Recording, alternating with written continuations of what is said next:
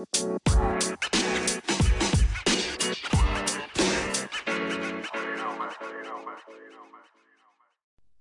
eh, assalamualaikum warahmatullahi wabarakatuh.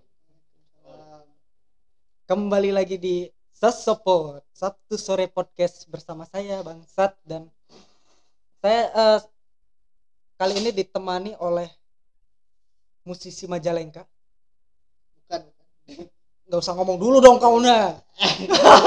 kan biar itu bukan bukan bukan eh, ditemani oleh komposer, DJ, pemain band, tukang kabel. ya itu tukang kabel lebih bagus Oke, Lebih eh, bagus perkenalkan teman saya. Siapa namanya? Aku lupa. Rizaldi Asep DJ. DJ bukan Hah? tukang kabel Asep DJ. Siapa sih yang Majalengka nggak tahu Asep DJ? Drol, kau tahu gak Drol? nggak tahu sih Adul juga.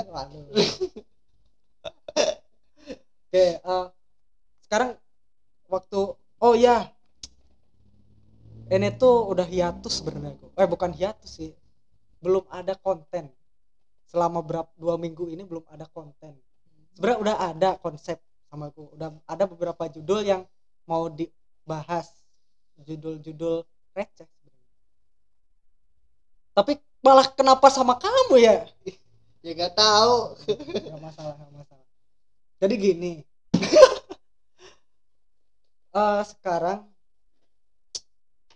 kita ngebahas tentang musik EDM di Majalengka. Mm. apa? IDM di Majalengka? Iya. EDM di Majalengka. Kan EDM Majalengka ini kalau aku lihat ya karena aku pengamat. Sebenarnya enggak sih berat banget pengamat. Sebenarnya cuman ya penikmat. Penikmat. Oke. cuman penikmat doang. Gimana menurut Asep DJ ini perkembangan musik EDM di Majalengka yang sudah berkecimpung? Ya sekarang musik IDM di Majalengka itu lebih terpaku pada kearifan lokal. Kearifan tradisional banyak grup-grup yang selain Kareri banyak juga. Oh oh Kareri juga? Dari Kareri. Oh saya baru tahu. Kareri juga. Kareri juga itu suatu aransemen instrumental yang mungkin dari tradisional transisi ke IDM dan saya sebagai yang tercimpung di sana. Berarti di Kareri sama siapa? Sama Revani Dwi Pratiwi Stefani Depati. Oh iya iya iya.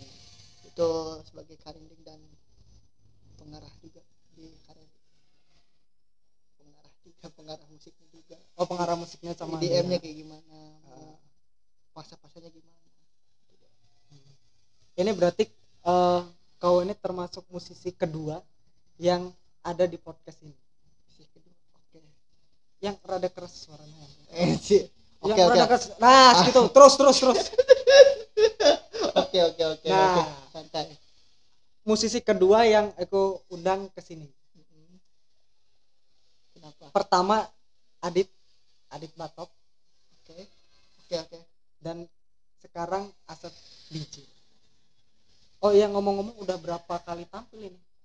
Udah tampil banyak- sih kalau misalnya dari dari konsep KRI itu ada empat kali tiga kali. Oh, konsep tiga KRI. tiga kali, empat kali. oh iya dah waktu itu juga mungkin pernah yang pertama itu pas lagi launching album ya? Launching album di Humble. Di Humble. Itu kapan itu? Tanggal 24 November 2019 Berarti hari Jum udah, malam Jumat. udah setengah tahun yang lalu ya? Iya sebelum ada covid menyerang udah bosen deh gue bahas covid. Jangan jangan. Jangan. iya. Kita sekarang konsepnya IDM dulu aja. Nih. jadi iya. IDM itu singkatan apa? Electronic electronic dance music. Elektronik dance music. dance music. Ada dancernya nggak? Enggak. Itu sebuah eh, IDM itu sebagai payung dari banyak subgenre dari misalnya electro house big room Ah. psytrance hardstyle. Ah apa?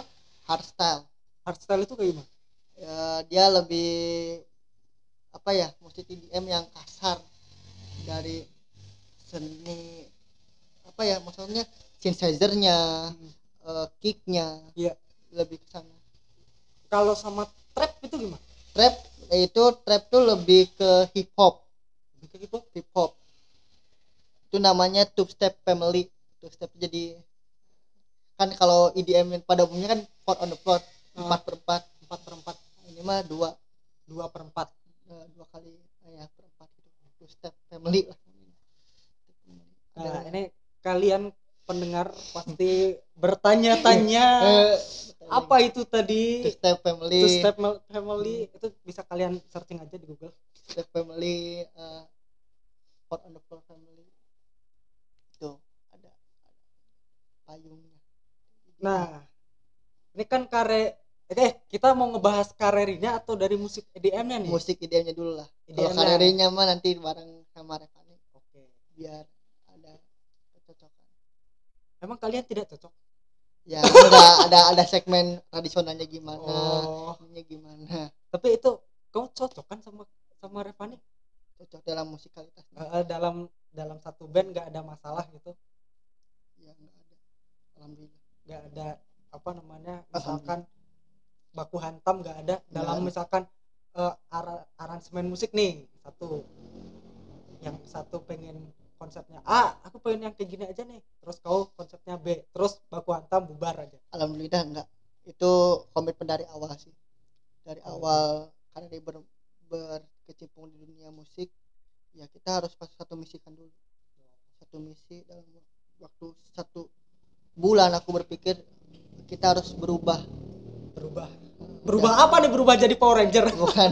Jadi berubah dari cara berpikir oke. eh, kompos lagu Ah, pemilihan genre. Idean tuh banyak. Bukan trap eh, dubstep bukan. Nah, bukan itu beda. Ada lagi banyak. Iya sih. Aku aku apa termasuk yang pendengar setia. Kau kalau nggak percaya coba lihat di playlist Spotify aku.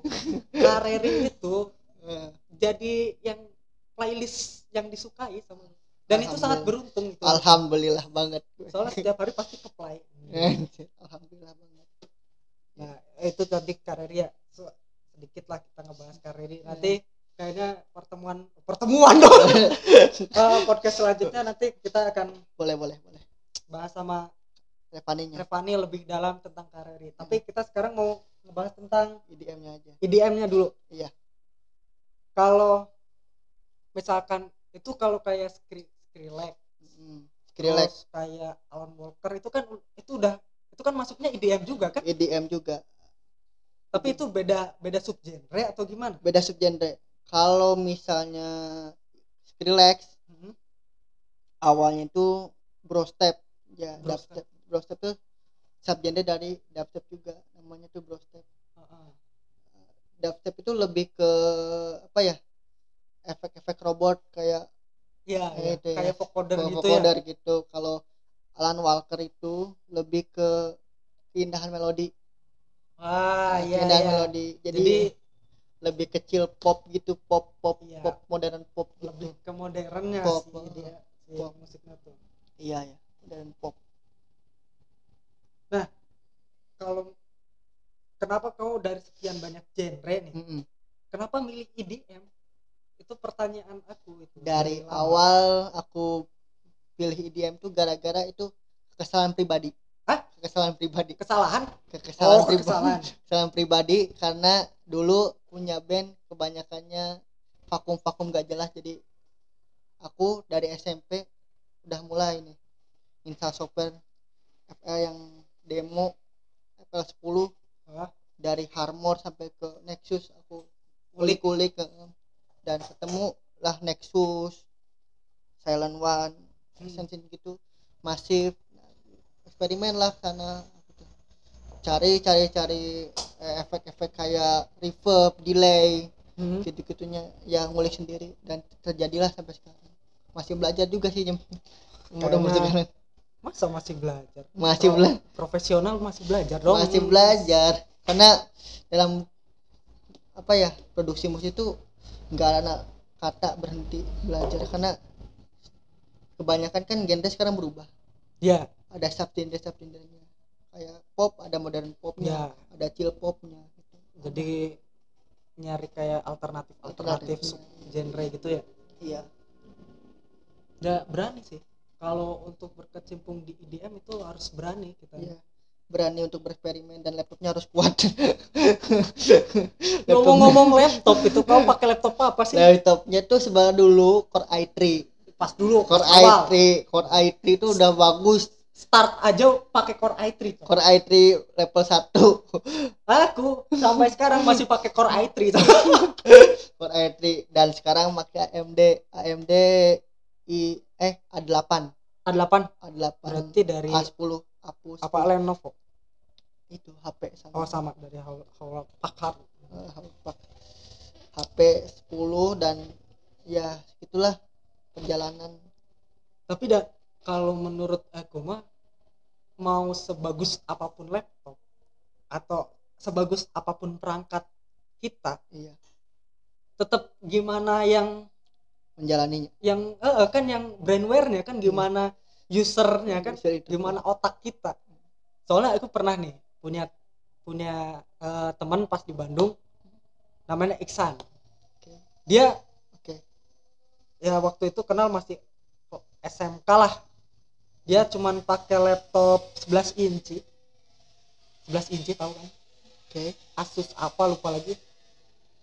Diinstal FL Studio. Itu ngelat tuh. Kereket kereket kereket pokoknya wah anjir mau mau ngebuka satu Meledak. plugin aja. Meledak lama. Iya meledak tapi pas pas aku denger hasilnya luar biasa. Ya udah semi pro lah hasilnya itu. Berarti kan memang perangkat memang perangkat butuh. Kita perlu perangkat yang bagus untuk menunjang. Tapi tetap gimana kitanya kan? Gimana user dan gimana user. dan nguliknya gimana? Gitu. Ah.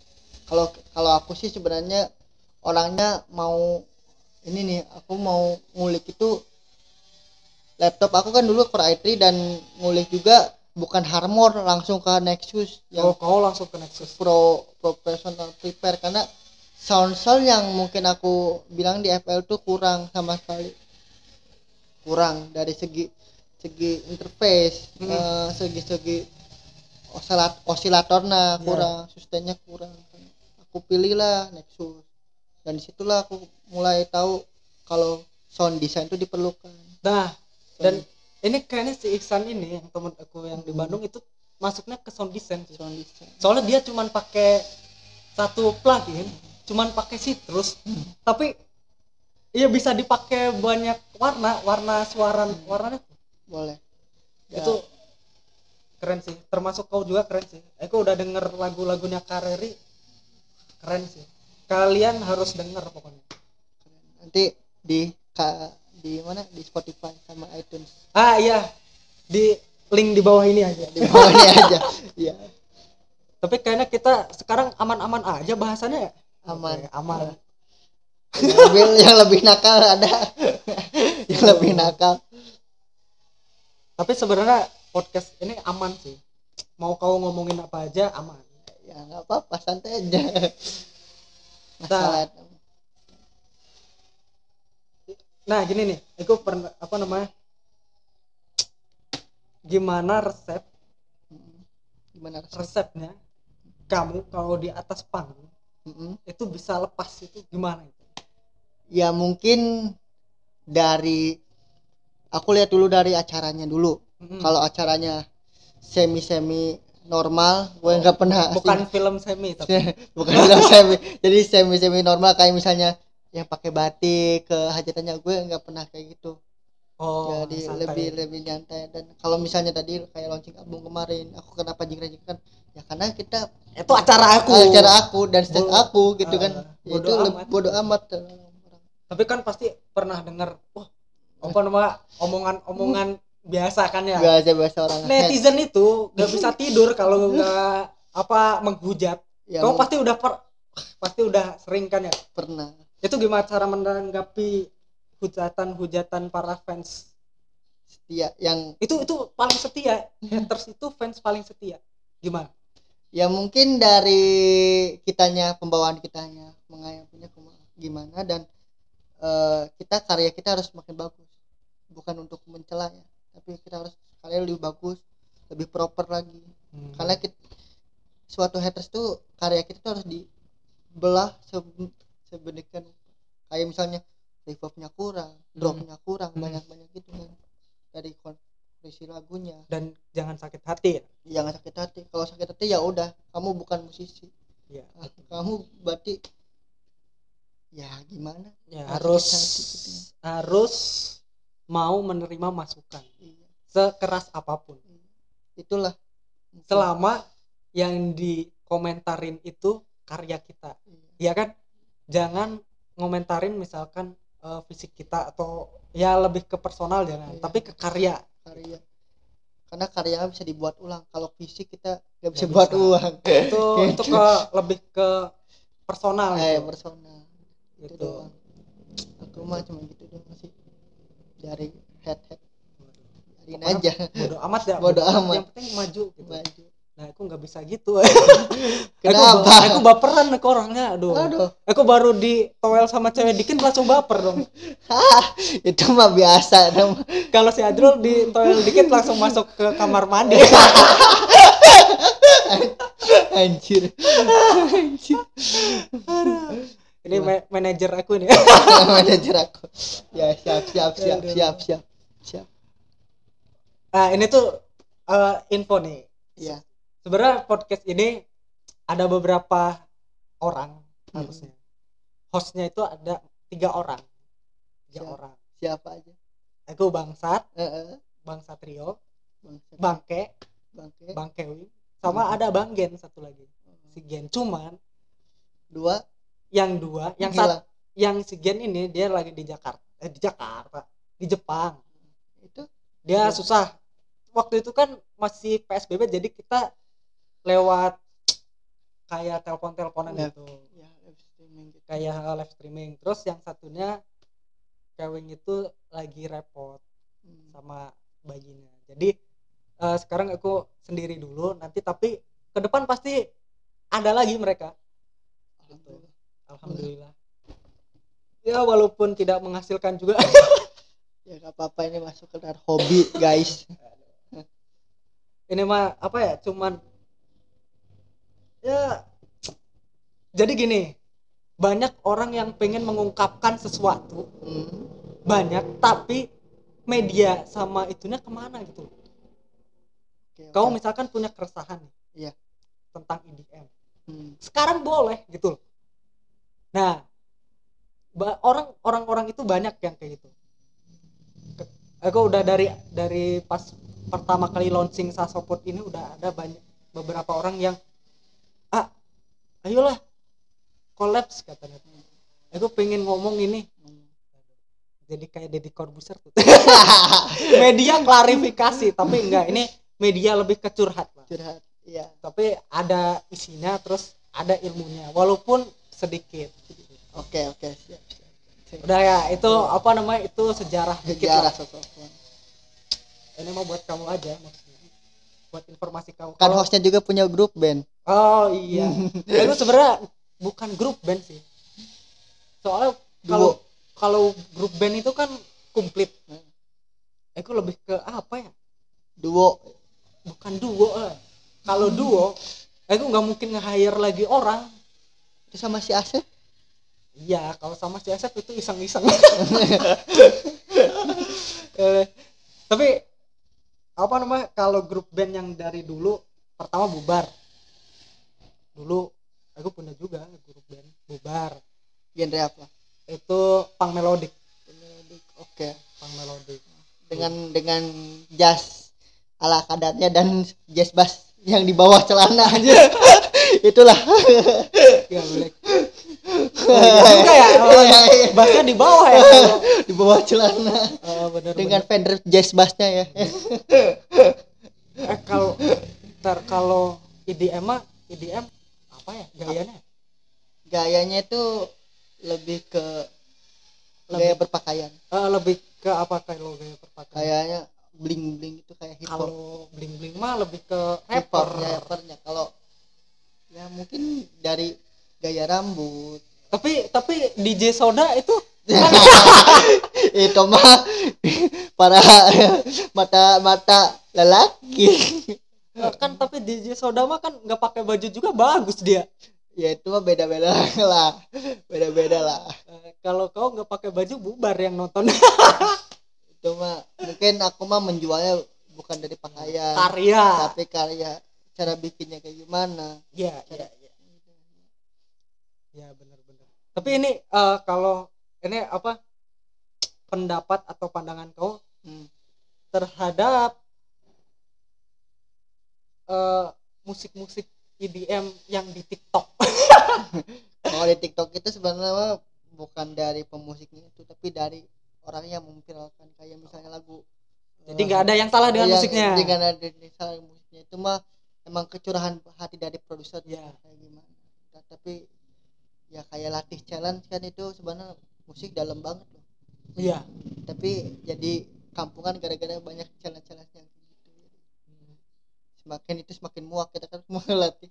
jadi gini semakin Iya, semakin sering ditampilkan iya semakin banyak yang muak. Apa sih latih lagi? Padahal mah emang kitanya dari latih itu kita berpikir oh toxic resist eh non toxic resistive no gitulah toxic Ah, itu gitulah toxic ah, toxic itu kamu iya iya iya. Nggak bisa. Toxic tok- tuh kan jadi ngikutin toxic toxic relationship ah, tak. bukan relationship. Ya itu. Itu sebenarnya itu dalam banget. Tapi semakin ke sini makin ah latih lagi latih lagi kan. Kalau apa namanya? kalau yang kan biasanya tiap musisi atau tiap itu punya semacam eh, musisi lagi yang jadi panutan. Mm-mm. nah kalau misal kalau Asep ini Asep DJ ini panutannya apa? Kalau dari musik DM ah lah. Masa mau dari musik dangdut? Mulai musik kalau dari musik IDM itu ya mungkin satu Martin Garrix. Oh iya iya. Martin Garrix itu mungkin dari awal aku kenal FL dari Ah. awal kenal gimana cara man- manipula- manipulasi synthesizer Ah, uh, isolator sustain sama rilisnya gimana. Dan itu juga mempelajari ya membuka mata orang berkarya itu bukan dari usia tapi dari otak. Iya. Bener. ya karena bikin satu karya tuh emang dari mood kitanya kayak gimana Heeh. suasananya gimana juga dari sekitar gitu doang. Kalau kamu misalkan bikin satu lagu itu biasanya butuh berapa bulan? Kalau misalkan kan mood nih. Mood kalau mood misalnya kita bikin satu karya yang benar-benar proper oh, yang proper proper tuh satu minggu. Satu minggu. Satu minggu. Itu nggak keluar kamar satu minggu tuh ya ngopi ngobrol bokep ya. kamu udah mah kayak kan aduh pusing banget ini pusing banget main ah ke Twitter iya ke Twitter tuh malah liatnya aduh VCS. enggak itu enggak. ya cuman ya mata lelaki mah emang gitu sih sebenarnya. Iya, iya. jangan sujon lah pernah gitu semua semua laki-laki dan itu juga membuat aku satu hal yang mungkin orang nggak bisa lepas tuh ya emang dari IDM tuh jangan mengembang memandang tentang kamu tuh di klub malam malam-malam dengan baju seksi. Nah, ya bagus sebenarnya. Sebenarnya bagus tapi itu aku Dunia mau gelap, aku dunia- mau mau mau mencerahkan IDM itu ya bisa bisa go internasional dengan bukan tanpa baju yang kotak-kotak pakai BH gitu enggak Ah, iya, iya. jadi ingin mencerahkan dunia gelap. Eh, eh, dunia gelap itu. Walaupun ya apa itu walaupun ya di dalam satu hal di klub gitu. Ah. banyak klub juga banyak yang seksi dancer ada sneak Gitu, banyak banyak hal-hal yang mungkin orang belum tahu di IDM tuh kayak seperti apa. Hmm. itu tapi pernah kan berarti kalau misalkan kan kalau ingin merubah kan kita harus sedikit-sedikit. Iya. Berarti kita harus masuk dulu ke dunia gelapnya. Aku nggak oh enggak nggak. Berarti langsung aku lebih langsung tikung aja. Nggak aku lebih ngobrol dulu sama orang-orang yang pernah masuk ke dunia gelap. Eh, kayak misalnya ke untuk klub-klub klub-klub kayak misalnya klub yang di Cirebon atau Ah. mana gitu. Aku ngobrol dulu di Cirebon tuh kayak gimana sih musiknya di Hmm. klubnya oh gini gini gini Oh, aku bisa menghitungkan aku bisa ke sini. Kalau misalnya kita nggak ada riset sama sekali kita omong kosong dong tentang IDM kayak gimana. Hmm. itu doang. Banyak hal yang mungkin. Banyak hal ya yang jadi misalkan sekarang kan kau berarti sebelum masuk ke terjun ke tuh riset dulu kan. Riset dulu. Tapi nanti kalau udah riset nggak nggak dibungkus kan? Enggak tenang enggak dibungkus gampang kita membungkus. Ja, aku soalnya tidak bungkusable banget. Iya. Tenang enggak oh iya itu. Kau dengar gak itu yang bungkusable itu? Enggak ah aduh. Aku menutup telinga dan tutup mata kalau gitu. Menurut berarti kau mah nggak tetap fokus di Fokus dulu, fokus dulu. ya? Nggak. Pernah pernah sih sekali lihat-lihat kayak muka-muka TikTok yang ada seksi gitu ya. Tapi aku udahlah. Itu cuman konten dewasa. Oh, berarti kau belum dewasa? Ya bukan dari waktu maksudnya nggak pernah nggak pernah se semenor gitu enggak kita kan budaya ketimuran yang punya kesopanan. Bener nggak? Benar eh iya. Kita tuh udah udah walaupun ya IDM itu budaya baratnya iya iya iya iya benar budaya barat tapi buat jenis bagus. Iya, dari betul. komposisinya. Masuk kreatif juga bagus di PS bagus. Ya Betul. harus harus pintar-pintar cari pasar ya. kalau di IDM tuh kalau misalnya kamu salah pasar ya kamu akan terjebak di pasar itu. Tapi berarti kan kalau kau mah bikin tuh berdasarkan apa yang kau buat kan Eh, bukan berdasarkan pasar. pasar atau keinginan orang kan? Iya. Jadi mau misalkan ada yang nggak suka juga ya nggak masalah. Nggak masalah karena kita masih di dalam independen iya indie independen jadi kata orang kayak gimana ya terima aja dulu. Nanti mungkin dari sisi apa bikin musik kayak gitu gitu mungkin kita yang jadi produser adalah Oh. gitu gitu kayak pemilihan chord pemilihan instrumen juga banyak Sebenarnya ada ya luas juga sih ya. Kalau misalkan kita pengen masuk justru gini kalau kita mau memasuki sesuatu bukan makin menyempit meluas. tapi makin meluas. Dan itu juga ya kayak musik juga sama kan ya. kita masuk ke genre ini wah ternyata makin luas ternyata makin banyak materi segala macam yang subgenre subgenre yang nggak mungkin di ah, ah, yang apa bisa kita pelajari gitu. Kalau di EDM memang memang Majalengka yang aku tahu nih EDM itu satu kamu terus kedua siapa? Tadi tuh bro tadi tuh? Kiara Hah? si Kiara yang tak aku tadi tuh ah Husen si Kiara tuh DJ loh. Kiara tuh yang mana? Tadi di kedai oh yang tadi. Heeh. aku belum tahu soalnya. Kiara itu nu di pakai rok gitu. Yang pakai rok Eh, laki laki laki ya nah aku belum nggak nggak banyak lah. Banyak. Nggak banyak tahu kalau di di Majalengka. Kalau di luar ya ada aja. Gitu. Feng Ai masa nggak tahu? Hmm? Afeng Ai nggak nggak tahu? Siapa? Afeng Ai yang eh Majalengka itu iyalah. Nah kan aku nggak tahu. Biasa manggung di Malaysia. Lagu Malaysia. Nah, Nah, Majalengka tuh. Ah itu kan nanti bisa jadi narasumber juga. Iya. Ada sumber iya. Narasumber.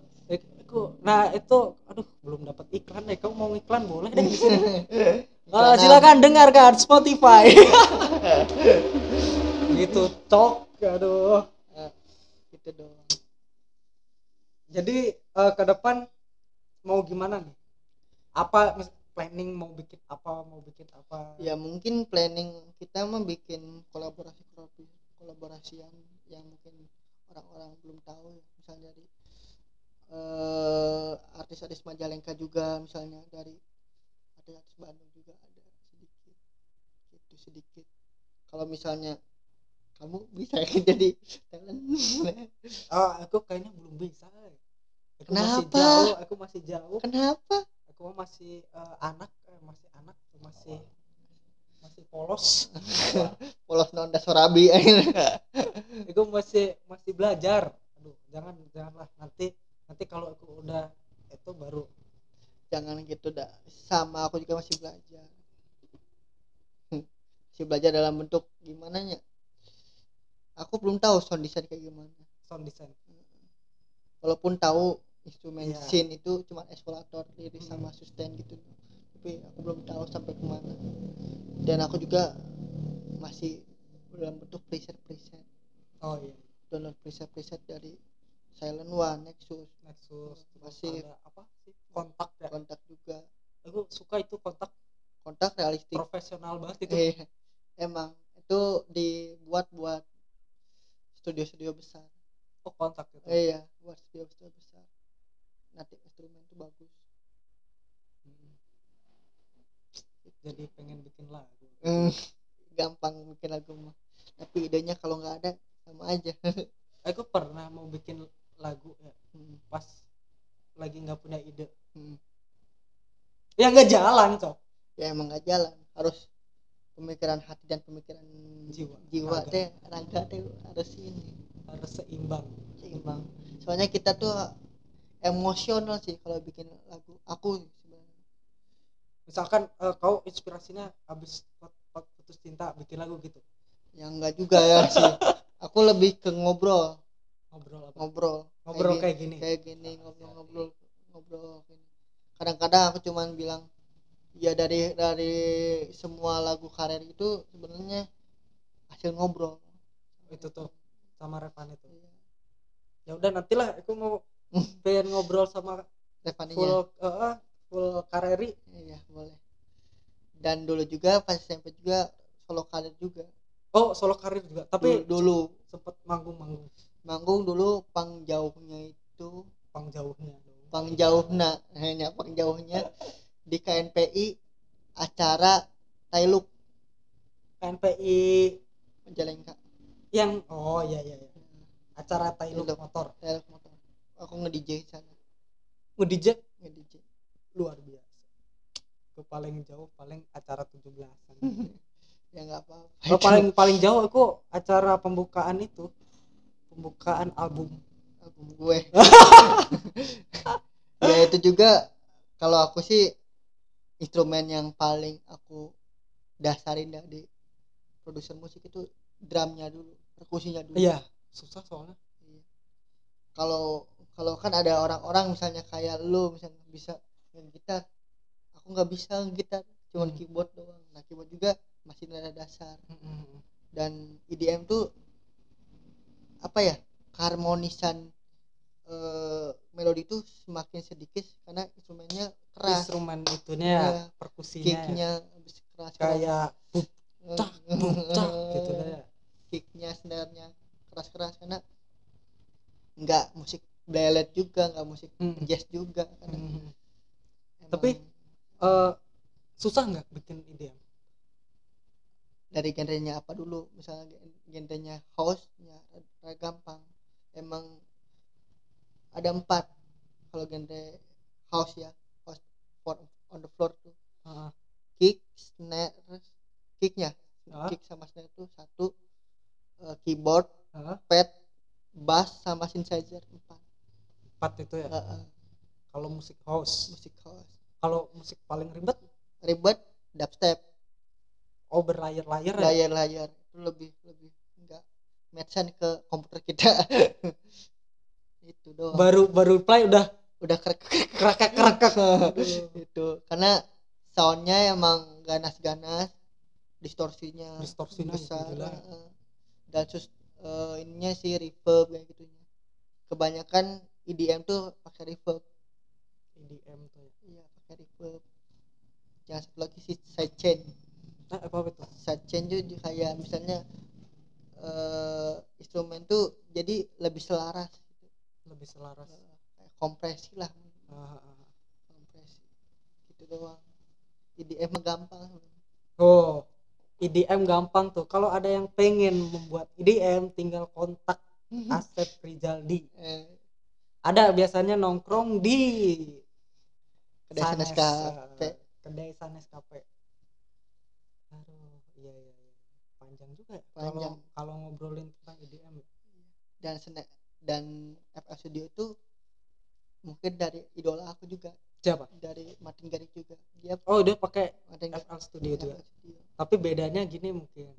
Dia lebih proper. Ya lebih apa dia nggak pakai crack kau pakai crack. Itu mah kearifan lokal guys. Kamu juga kan pakai crack. Kan kalau aku lebih ke belajar. Belajar dari mana? Aku juga belajar boy. Oh, iya juga ya. Soalnya selama kita masih belajar itu kayaknya nggak ya walaupun tidak dibenarkan ya. Ya soalnya kan itu lebih ke pencurian ya. Pencurian. Tapi Tapi- tidak demi ya belajar itu nggak apa-apa sih. Iya. Asalkan tidak dikomersilkan. Menghasilkan kuma aduh ini bahasa bahasnya lebih parah ini udah. Drag drag Drag itu apa bahaya lah. Bahaya. Jadi timeline. Nanti nanti eh nanti ada nanti ngontak FA Studio di mana karena hidup kita di plus 62 Kalau-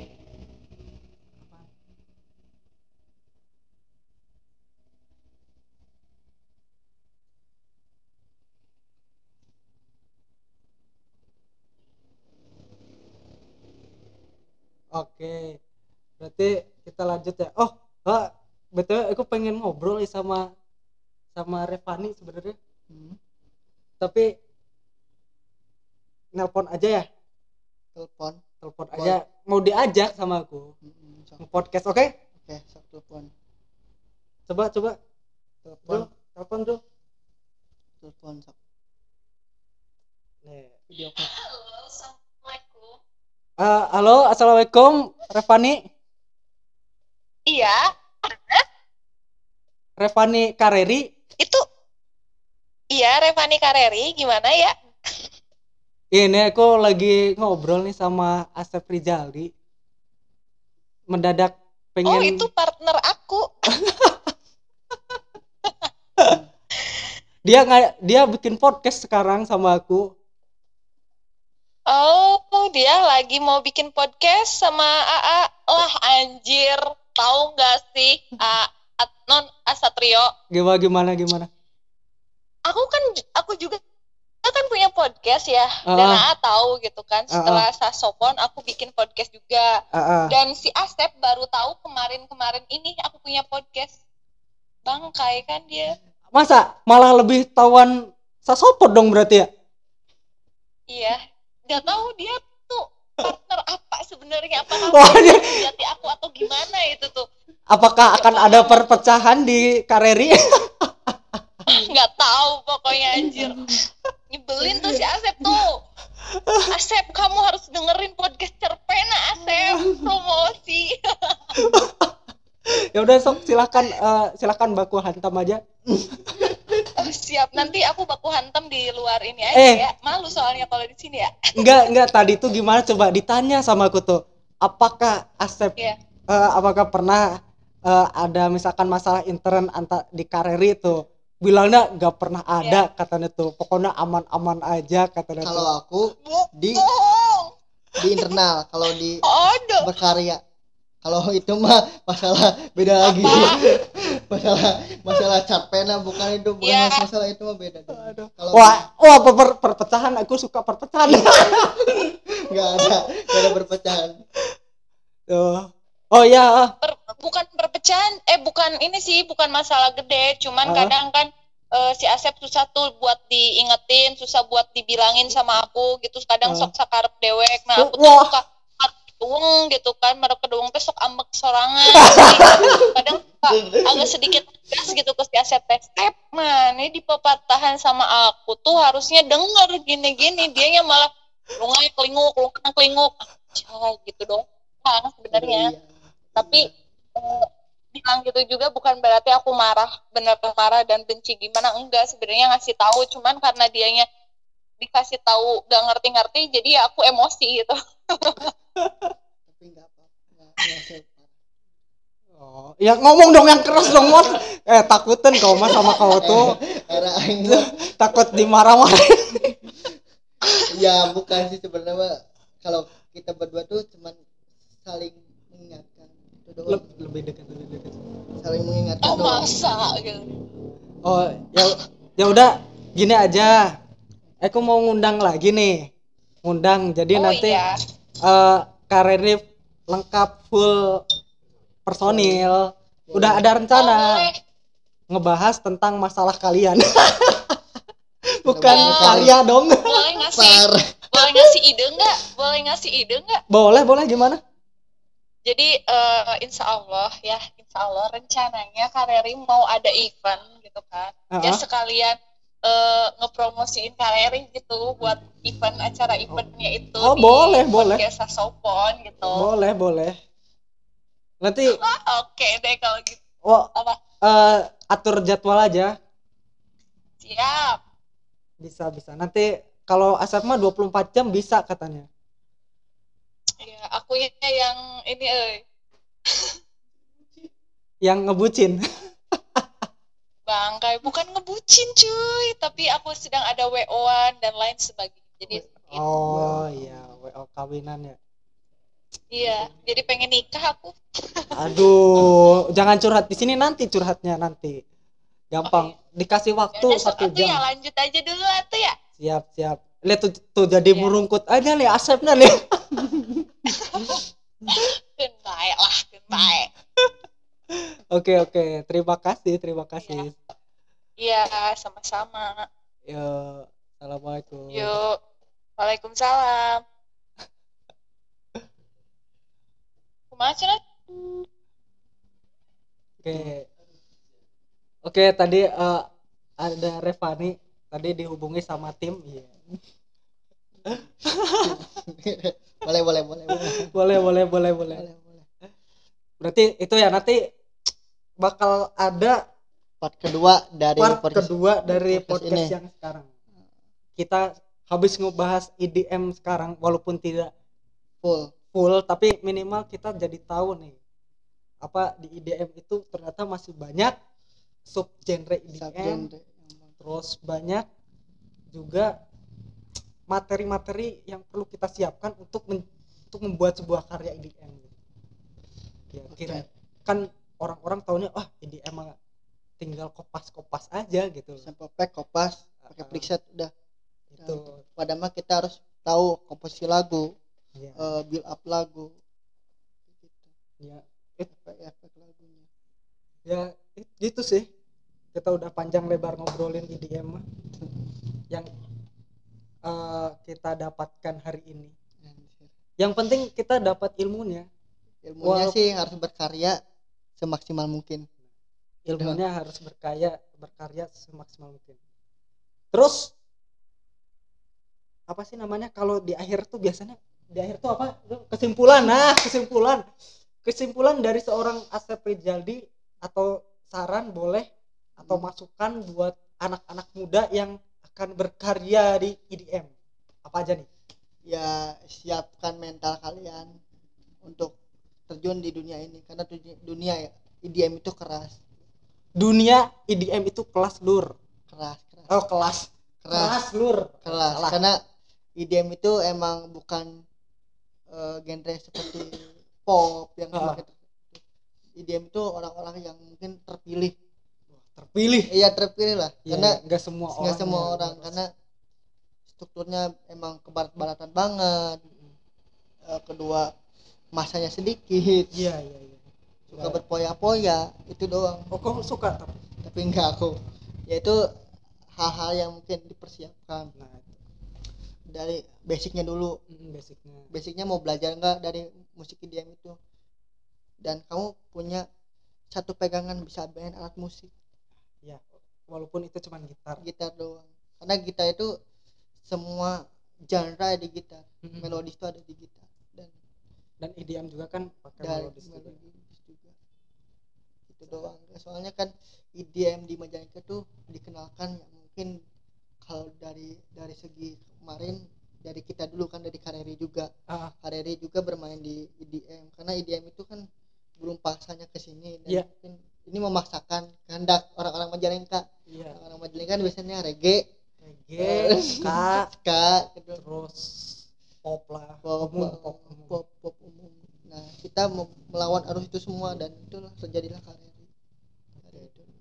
jadi itu kesimpulan dari seorang Asep DJ Hmm. atau ya Asep Rijaldi sang Proklamator. Oh, IDM. iya, iya termasuk eh, termasuk IDM. apa pentolan lah Pentolan. pentolan IDM Majalengka siapa sih DJ Majalengka yang nggak tahu Asep Iya. gitu mungkin udah ya em, musisi kan Iya. mungkin itu ya ada lagi yang mau disampaikan keresahan atau nanti kita lanjut di Kareri Di part kedua aja lah biar seru. ya sudah eh, setelah panjang lebar saya bangsat dan juga Sumber narasumber dong namanya dong Asep Rizaldi EKE EKE eh, oh nama panggung kau apa EKE ya apa ya? Kareri Belum- sekarang mah belum, ya. belum kepikiran soalnya. belum sekarang mah Kareri ya masih ya karerinya. Asep Kareri kan Hmm. Kareri kan ada ada ada Asepnya juga di dalam kayak Nama panjang Rizal Rizaldi. Rijaldi Iya. EKE Kareri Kareri itu mengucapkan Selamat Idul Adha. Selamat berkurban untuk yang berkurban, yang nyate silahkan kirim ke sini ke studio aku, eh studio studio kita. Sampai jumpa di podcast selanjutnya. Jangan ke mana-mana, eh, di part kedua kita akan bahas lagi tentang Kareri dan isi-isi permasalahannya. Aduh. Sampai jumpa. Wassalamualaikum warahmatullahi wabarakatuh. Waalaikumsalam